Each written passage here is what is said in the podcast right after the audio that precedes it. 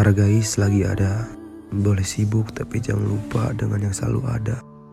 Boleh sibuk tapi ingat di balik kesibukan kau itu ada orang yang bolak-balik cek HP demi sebuah kabar.